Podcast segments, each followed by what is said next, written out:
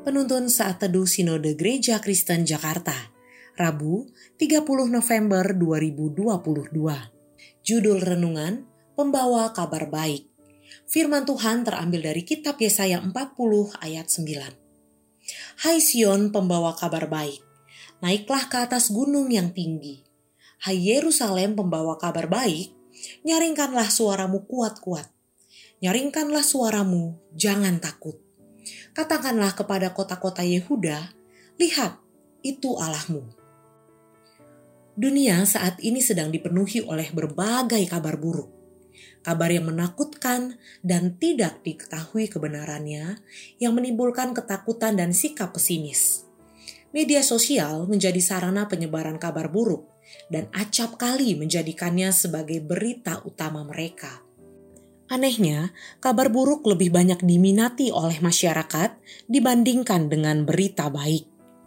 Padahal, dunia ini membutuhkan kabar baik, kabar yang membawa sukacita di tengah tantangan zaman yang serba tidak pasti.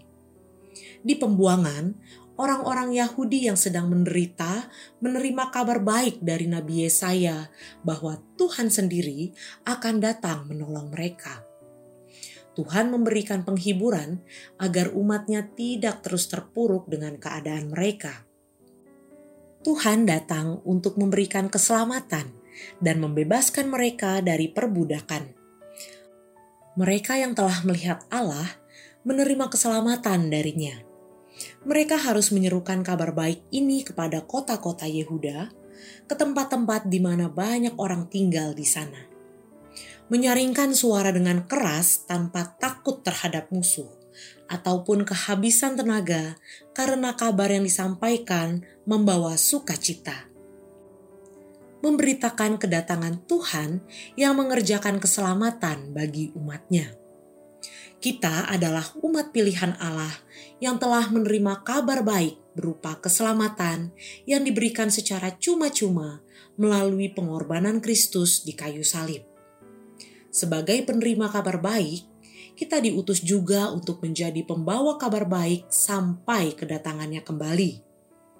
Membawa kabar baik kepada mereka yang sedang bergumul, yang lelah, tak berdaya, dan terpuruk, agar memiliki penghiburan di dalam Kristus.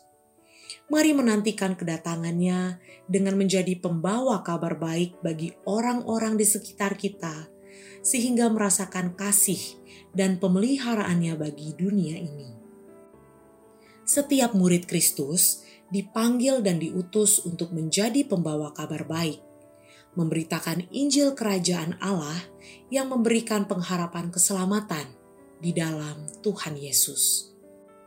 Terpujilah nama Tuhan.